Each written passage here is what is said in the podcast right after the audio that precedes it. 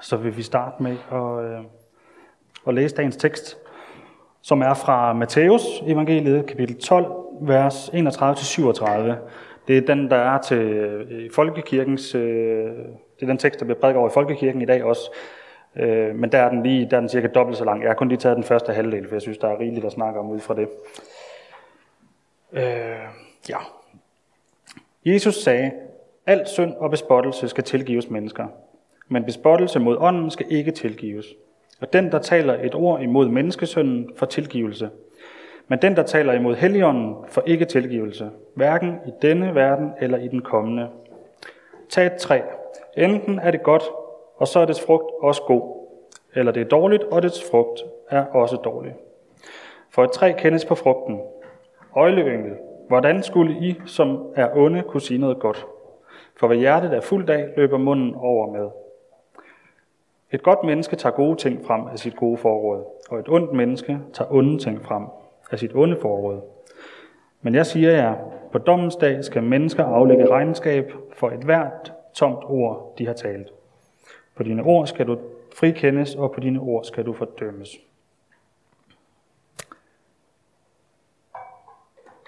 Jeg ved ikke, om I nogensinde har prøvet at, at sidde og læse en bog, og så kan I måske nå at læse en halv side eller en hel side, og så kommer I i tanke om, at jeg ved egentlig slet ikke, hvad der står, for jeg har ikke, øh, jeg hænger fast i to linjer, som jeg læste op øverst på siden. Øh, så jeg har lige tabt tråden. Sådan kan jeg i hvert fald godt have det nogle gange. og sådan har jeg det også, når jeg læser den her tekst til i dag. Øh, og jeg tror, der er mange kristne, som på et eller andet tidspunkt er stødt på den her tekst, eller har hørt de her ord fra Jesus, øh, og så er det simpelthen blokeret for resten af, af teksten, fordi ordene i de første vers her, de er simpelthen så voldsomme at høre. Den, der taler imod Helligånden, får ikke tilgivelse, hverken i denne verden eller i den kommende. Jeg kan huske, da jeg som barn hørte de ord første gang. Bespottelse mod Helligånden. En synd. For der bliver, der bliver nemlig brugt ordet synd. En synd, som Gud ikke kan tilgive. At jeg kan begå en synd, som sender mig ud i evig fortabelse. Det var virkelig uhyggeligt. Og jeg tror, det er uhyggeligt at tænke på, uanset om man er barn eller voksen. Og mange kristne har måske på et eller andet tidspunkt tænkt, har jeg måske begået den her synd? Øh, og man begynder panisk at tænke tilbage. Har jeg sagt noget forkert om Helligånden på et eller andet tidspunkt? Øh, var det bespottelse, da jeg gjorde det? Jeg ved ikke, om I har set den der fire bryllupper og en begravelse for mange år siden, hvor Rowan Atkinson han spiller præst, og han skal døbe et barn, og han er sådan lidt øh, kajtet ved situationen og nervøs for situationen, og så kommer han til at sige, øh, på dansk er det oversat til, han kommer til at sige, hellig anden, i stedet for hellig ånden. Og så kan man næsten tænke, ah, var, var det må en bespottelse mod helligånden? Er det, er det noget, man sådan kan komme til ved et uheld, ligesom så mange andre synder? Og findes der virkelig en synd, der er så alvorlig, at der ikke kan findes tilgivelse for den? Ja, så, så da jeg læste det her, så teksten til i dag, så tænkte jeg, det her, det skal de nok finde en teolog til at sige noget om, fordi jeg tror, øh, jeg tror egentlig bare, at jeg dropper det, og så finder jeg på noget andet, som er lidt mere light. Øh, men så tænkte jeg alligevel, ej, hvis nu, at jeg selv kunne komme til at forstå det her, øh, og hvis jeg samtidig kunne opnå en form for tryghed ved de her ord, og i stedet for, i stedet for frygt, så, så kunne jeg jo dele det med jer her i dag. Øh, og så kunne vi måske alle sammen få noget positivt ud af det. Så det har jeg arbejdet på, og derfor så vil min, øh, min prædiken, den vil også øh, tage udgangspunkt i de der, ja, i de øverste linjer, der er de første to vers af, af teksten. Øh, og det er mit mål, at vi, som måske kender Helligånden, at vi må øh, gå hjem i dag med ro i maven, og masser af tryghed ved de her ord fra Jesus, og at de af os, som måske ikke har mødt eller kender Helligånden endnu, at vi vil gå hjem og lytte efter. For der er både alvor og masser af frihed i de her ord. Og det vil jeg lige bede om. Jesus, jeg beder dig om, at du vil øh, være hos os nu. Vil du vise os øh, alvoren og endnu mere trygheden og friheden i de ord, som du taler til os i dag. Amen. Det første, vi skal se lidt på, det er øh, Det er konteksten. Vi skal prøve at forstå situationen øh, og rammerne for det, som Jesus han siger. Øh, og der skal vi også have en lille smule hjælp fra parallelteksterne. Parallelteksterne, det er de øh, tekster fra de andre evangelier, som, som beretter om den samme episode. Øh, det er sabbat.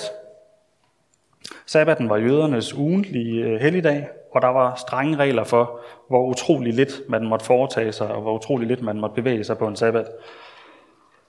Og det første, vi hører på den her sabbat, øh, før dagens tekst her, øh, det er, at Jesus han går sammen med sine disciple. Disciplerne er sultne, og de går forbi en mark, hvor de plukker nogle aks, som de kan spise. Og det er der nogle fariserer, der får øje på, så de siger, hey, se dine disciple, de gør noget, som det ikke er tilladt at gøre på en sabbat. Og Jesus han bliver irriteret over, at øh, de, øh, de har mere travlt med lov og regler, end med om mennesker er sultne. Så han øh, refererer til både Esajas og kong Salomon og, og kong Salomon og Hoseas i det gamle testamente og siger, havde I nu fattet, hvad det betyder, at barmhjertighed ønsker jeg frem for slagtoffer, så havde I ikke fordømt de uskyldige. Øh, ja, så går de videre. Jesus kommer ind i synagogen. Der er en mand med en vissen hånd. Jeg ved ikke, hvad det vil sige, men jeg tænker, at den må være forkryblet eller et eller andet. Og øh, farisæerne, de er igen øh, vakse ved haveloven, og de vil gerne have Jesus til at træde ved siden af, så de siger, du øh, Jesus, er det tilladt at helbrede på en sabbat? Og Jesus han svarer dem, prøv lige at høre en gang, folkens. Ja, det er tilladt at gøre noget godt på en sabbat.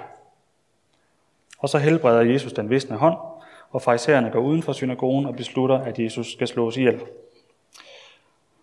Og da Jesus han hørte det, så tog han afsted derfra. Men der står, at der var store folkeskare, som, øh, som fulgte efter ham. Og han helbredte alle i folkeskaren, som var, øh, som var syge. Og så kommer der så den her øh, mand, øh, der bliver ført en mand hen til Jesus, øh, en mand, som er besat, øh, og nu nærmer vi os dagens tekst. Og der står, at den her mand her var blind og stum. Han blev ført hen til Jesus. Jesus helbreder ham, så han kunne tale og se. Og så kommer der en mega vigtig detalje. Måske lige spidse ører en gang. Fordi der står, at folkeskarne, altså det vil sige folkemængden, som fulgte efter Jesus, blev ude af sig selv og spurgte, mund han er Davids sønnen. Underforstået, at det mund Kristus selv, vi ser i aktion her. Altså Messias. Okay? Men det gider farisæerne ikke høre på. De vil have Jesus slået ihjel, så de bliver enige om, at det må være ved dæmonernes fyrste, at, øh, at Jesus uddriver dæmoner. Og Jesus svarer farisæerne, farisæerne igen, eller han, han læser deres tanker, og så siger han, prøv at høre her, Satan kan ikke uddrive Satan. For så vil Satan være i splid med sig selv, og det fungerer ikke. Så, så på den ene side, så har vi øh, folkeskarne, det vil sige langt største delen af forsamlingen her, som følger efter Jesus, fordi de ønsker at lytte til ham, de ønsker at være sammen med ham, og de oplever og mærker hans helbredelse. Og så spørger de, kan det må være, kan det må være Kristus? Det er også derfor, vi kommer i kirke. Det er også fordi, vi ønsker at lytte til ham, og det er for at være sammen med ham. Og folkemængden spørger så, kan det må være Kristus? Så det lugter lidt af, at de her mennesker, som gerne vil Jesus, de har en fornemmelse af, at det er Gud, der handler gennem Jesus. Det er lidt som om, de er bevidste om, at det er Helligånden, selvom de ikke har hørt så meget om Helligånden endnu. Men de har en oplevelse af, at det er Gud, der handler gennem Jesus. Og på den anden side, der har vi farisæerne, som ikke gider at høre på det, og som vil have Jesus ned med nakken, og som siger, det må være Satan. Det er Satan, der er på arbejde her. Så kan I se de vidt, to vidt forskellige opfattelser af Jesu gerning. Altså på den ene side, det er meget sort-hvidt. På den ene side er det Helligånden, der arbejder gennem Jesus, eller er det Satan? Og så tager Jesus til ord og siger, I kan synde mod mig og spotte mig, det skal tilgives, men bespottelse mod Helligånden skal ikke tilgives. Og Jacob, nu må du godt lige tage den næste slide. For, for at svare helt kort på, hvorfor Jesus han siger det her, jamen det er faktisk meget godt gengivet i den hverdagsdanske udgave af parallelteksten fra Markus øh, 3.30. Det sagde Jesus til dem, fordi de påstod, at det var ved satans kraft og ikke ved helligåndens kraft, at han uddrev de onde ånder. Bum, så ved vi det. Men så til det næste. Jakob, du må godt slå på den igen. Hvorfor er den her synd mod helligånden så anderledes end al anden synd? Bibelen lærer os jo, at når vi synder, så synder vi først og fremmest mod Gud. Efter at øh, kong David, han øh, øh tusind år forinden det her, har gjort Bathsheba gravid og fået hendes mand slået ihjel i krig, og det virkelig går op for David, hvad det er, han har gjort, og han har gjort noget forfærdeligt, så beder han til Gud, mod dig alene har jeg syndet, jeg har gjort, hvad der er ondt i dine øjne. Bibelen lærer os også, at Jesus døde for al synd i hele verden. Johannes 1,29. Se, der er Guds lam, som bærer verdens synd. Og vi lærer også, at Gud elskede verden så højt, at han gav sin enborne søn, for at enhver, som tror på ham, altså Jesus, ikke skal fortabes, men have det evige liv. Det er jo evangeliet. Det er de gode nyheder. Men passer det så sammen med det, som Jesus siger i dagens tekst? Ja, det gør det faktisk. Jesus har betalt for al synd i hele verden, til alle tider, og den, der tror på ham, er allerede gået over fra døden til livet, og kommer slet ikke fra dommen, men har det evige liv. Fra Johannes 5:24. Det er så befriende. Vi er allerede gået fra døden over til livet, og kommer ikke fra dommen. Men hvordan kan der så findes synd, som resulterer i evigt fortabelse? Jo, hvis vi nu prøver at forstå, hvad Helligåndens opgave er, så er det nemmere for det til at give mening. Det fortæller Jesus om i Johannes evangeliet kapitel 16. Det står også her, ja. Øh, han fortæller disciplerne, at han vil forlade dem. Han vil gå tilbage til sin far i himlen. Men øh, at han til gengæld vil sende dem talsmanden, som han kalder det, altså Helligånden. Og så siger han, og når han, Helligånden, kommer, skal han overbevise verden om synd og om retfærdighed og om dom. Helligåndens opgave er altså blandt andet at overbevise os om synd, og om, at vi har brug for Jesus som vores frelser. Så uden Helligånden, så ved vi slet ikke, at vi har brug for Jesus. Helligånden viser os, at vi er syndere. Den prikker til vores samvittighed. Den viser, at vi er skilt. Den viser os, at vi er skilt fra Gud, og at vi har behov for en frelser. Da Jesus døde på korset, så soner han al synd. Uanset hvad vi gør, og hvor meget vi gør det, så har Jesus allerede sonet det. Det er betalt en gang for alle. Selv alle vores, eller mine, mislykkede forsøg på at forbedre mig, og på at, at, at få mig til at føle som en god kristen, hvilket jeg aldrig bliver. Vi er alle sammen træer, der bærer dårlig frugt og øjleunger, som Jesus han kalder det. Og med vores tunger sætter vi ild til alt muligt. Selv det har Jesus betalt for. Så hvad er forskellen på at spotte Gud og Jesus og Helligånden? Jo, spotte Gud og Jesus, det er forkert. Det er synd. Det kan Helligånden nemlig overbevise os om. Helligånden kan ligefrem virke en omvendelse i os, ved at skabe tillid til Jesus i vores hjerter, og så er der tilgivelse at få. Også selvom du har spottet Jesus. Men, men spotter du Helligånden, så anklager du den person i treenigheden, som kan føre dig til tro på Jesus. Du indtager en helt bevidst stilling over for Helligånden, hvor du anklager Helligånden for ikke at være fra Gud, ligesom farisæerne påstod. Jeg vil på forhånd undskylde, men jeg har lavet en fjollet illustration. Du må godt lige smide den øh, på. Jeg elsker at sætte alting på ligning, fordi så, så giver det sådan en dejlig logik. Øh, og øh, her er jeg, her er Helligånden og Jesus. Det er Helligånden, der er talsmanden fra Gud, som kan vise mig hen til Jesus. Jesus siger i Johannes evangeliet, at ingen kan komme til mig, hvis ikke det er givet ham af faderen. Og det er ånden, som gør levende. Okay, så det er Helligånden, der viser mig hen til Jesus. Så hvis jeg forkaster Helligånden. Du må godt lige trykke en gang mere, Jacob. Og det gør jeg, hvis jeg, øh, ligesom farisæerne i dag, kalder ham øh, satanisk, og ikke accepterer, at han er fra Gud. Eller bare ikke vil lade ham øh, udføre sin, sin opgave og overbevise mig om synd. at jeg er en sønder, så har jeg helt automatisk sat min forbindelse til Jesus ud af spillet. Kan I følge det?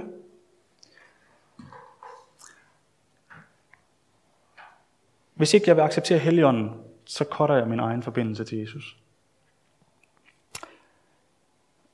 I parallelteksten i uh, Lukas evangeliet 12.10, øh, der formulerer Jesus det på en anden måde. Han siger, at de, der taler negativt om menneskesønnen, kan godt blive tilgivet, men de, der håner Helligånden, afskærer sig selv fra tilgivelse. Jeg synes, det er en super, super meningsfuld formulering at afskære, afskære sig selv fra tilgivelse. For det er det, der sker, når vi ikke vil acceptere Helligånden, og at Helligånden er fra Gud, og at Helligånden skal overbevise os om, at vi er syndere. Derfor er der ingen tilgivelse at få, for jeg vil ikke længere mærke noget i mig, som viser, at jeg har brug for tilgivelse. Jeg godt lige slå en gang mere. Ja, og teksten her også. Nej, en gang tilbage. Her er en mand på en gren. Det er også en fjollet illustration. Den er han i gang med at skære i træet. Og når han har skåret igennem, så vil han ikke længere have nogen forbindelse til træet. Men i stedet for, så vil han ligge på jorden og formentlig have nogle smerter. Jeg synes, det er et rigtig godt billede, det her, fordi han hugger ikke grenen af, han klipper ikke grenen af. Det er ikke en engangshandling, som han kommer til at gøre ved et uheld. Han skærer stille og roligt grenen over. Der er masser af tid til at vurdere, er det smart, det jeg har gang i. Og man kan se, at han har skåret mange grene af efterhånden, men han er ikke faldet ned endnu. Men han kan sagtens fortryde og vende tilbage og kravle ned i sikkerhed. På samme måde så er synd mod helgen ikke nogen enkelstående proces, som vi kan lægge søvnløse over og spekulere på. Ah, er jeg nu kommet til? Er jeg nu kommet til at gøre det her? Det er ikke noget, vi kommer til ved et uheld. Det er en gentagende, vedvarende benægtelse af helligånden, som værende Guds helligånd. Forskellen på illustrationen her og dagens tekst, det er selvfølgelig, at manden han, øh, på billedet her, han finder ud af, når han falder ned, så finder han ud af, at han har dummet sig. Øh, fordi han slår sig. Det gør vi ikke, hvis vi har skubbet helligånden ud af vores liv. Men det er samtidig også det, der gør, giver tryghed, synes jeg.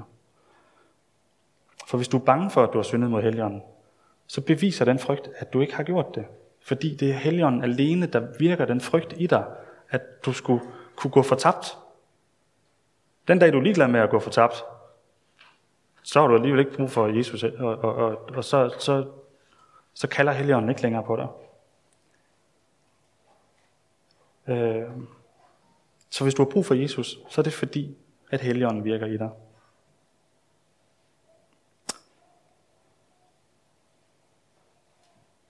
Synd mod Helligånden er altså et valg. Valget, hvor du vælger Jesus fra, og ikke ønsker tilgivelse for din synd. Og det er der ingen tilgivelse for, hverken i dag eller i den kommende verden. Det giver egentlig meget god logik.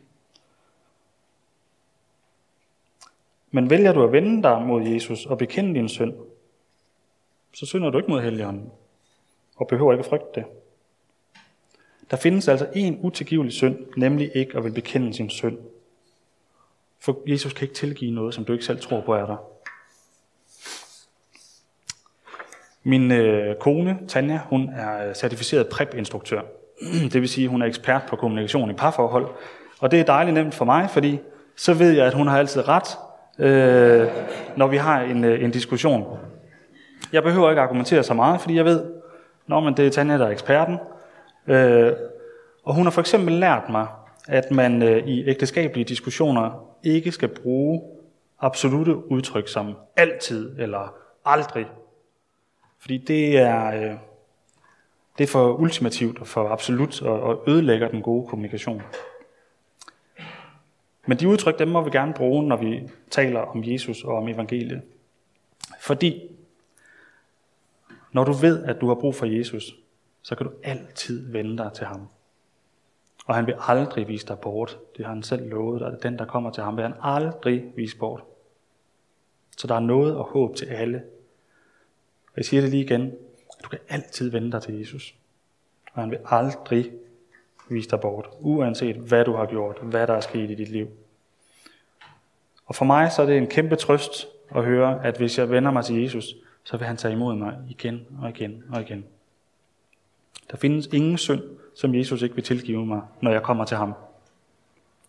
Selvom jeg svigter, så er Gud trofast. Selvom jeg er utro mod ham, så er han tro og holder fast ved sit løfte til mig.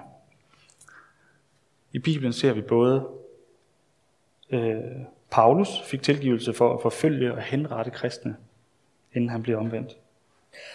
Peter fik tilgivelse for at benægte Jesus tre gange, den nat, hvor han var i forhør i Yberstpræstens gård. Øh, Martin Luthers gode præsteven, Jakob, du må godt lige slå en gang til. Han havde en øh, præsteven, som øh, var blevet syg og kraftesløs af sine tanker om at have syndet ud over øh, tilgivelsens grænse. Han var bange for, at han havde syndet for meget til, at han kunne blive tilgivet. Så øh, Luther han skriver det her brev til ham, øh, og går i rette med ham, og peger på, at, øh, at han lige fremstiller sig på djævelens side ved at tænke på den her måde, at man kan synde for meget. Tværtimod, skriver Luther. Det gælder om at ære Gud ved at bevare troen på, hvor stor en frelse han har tilvejebragt.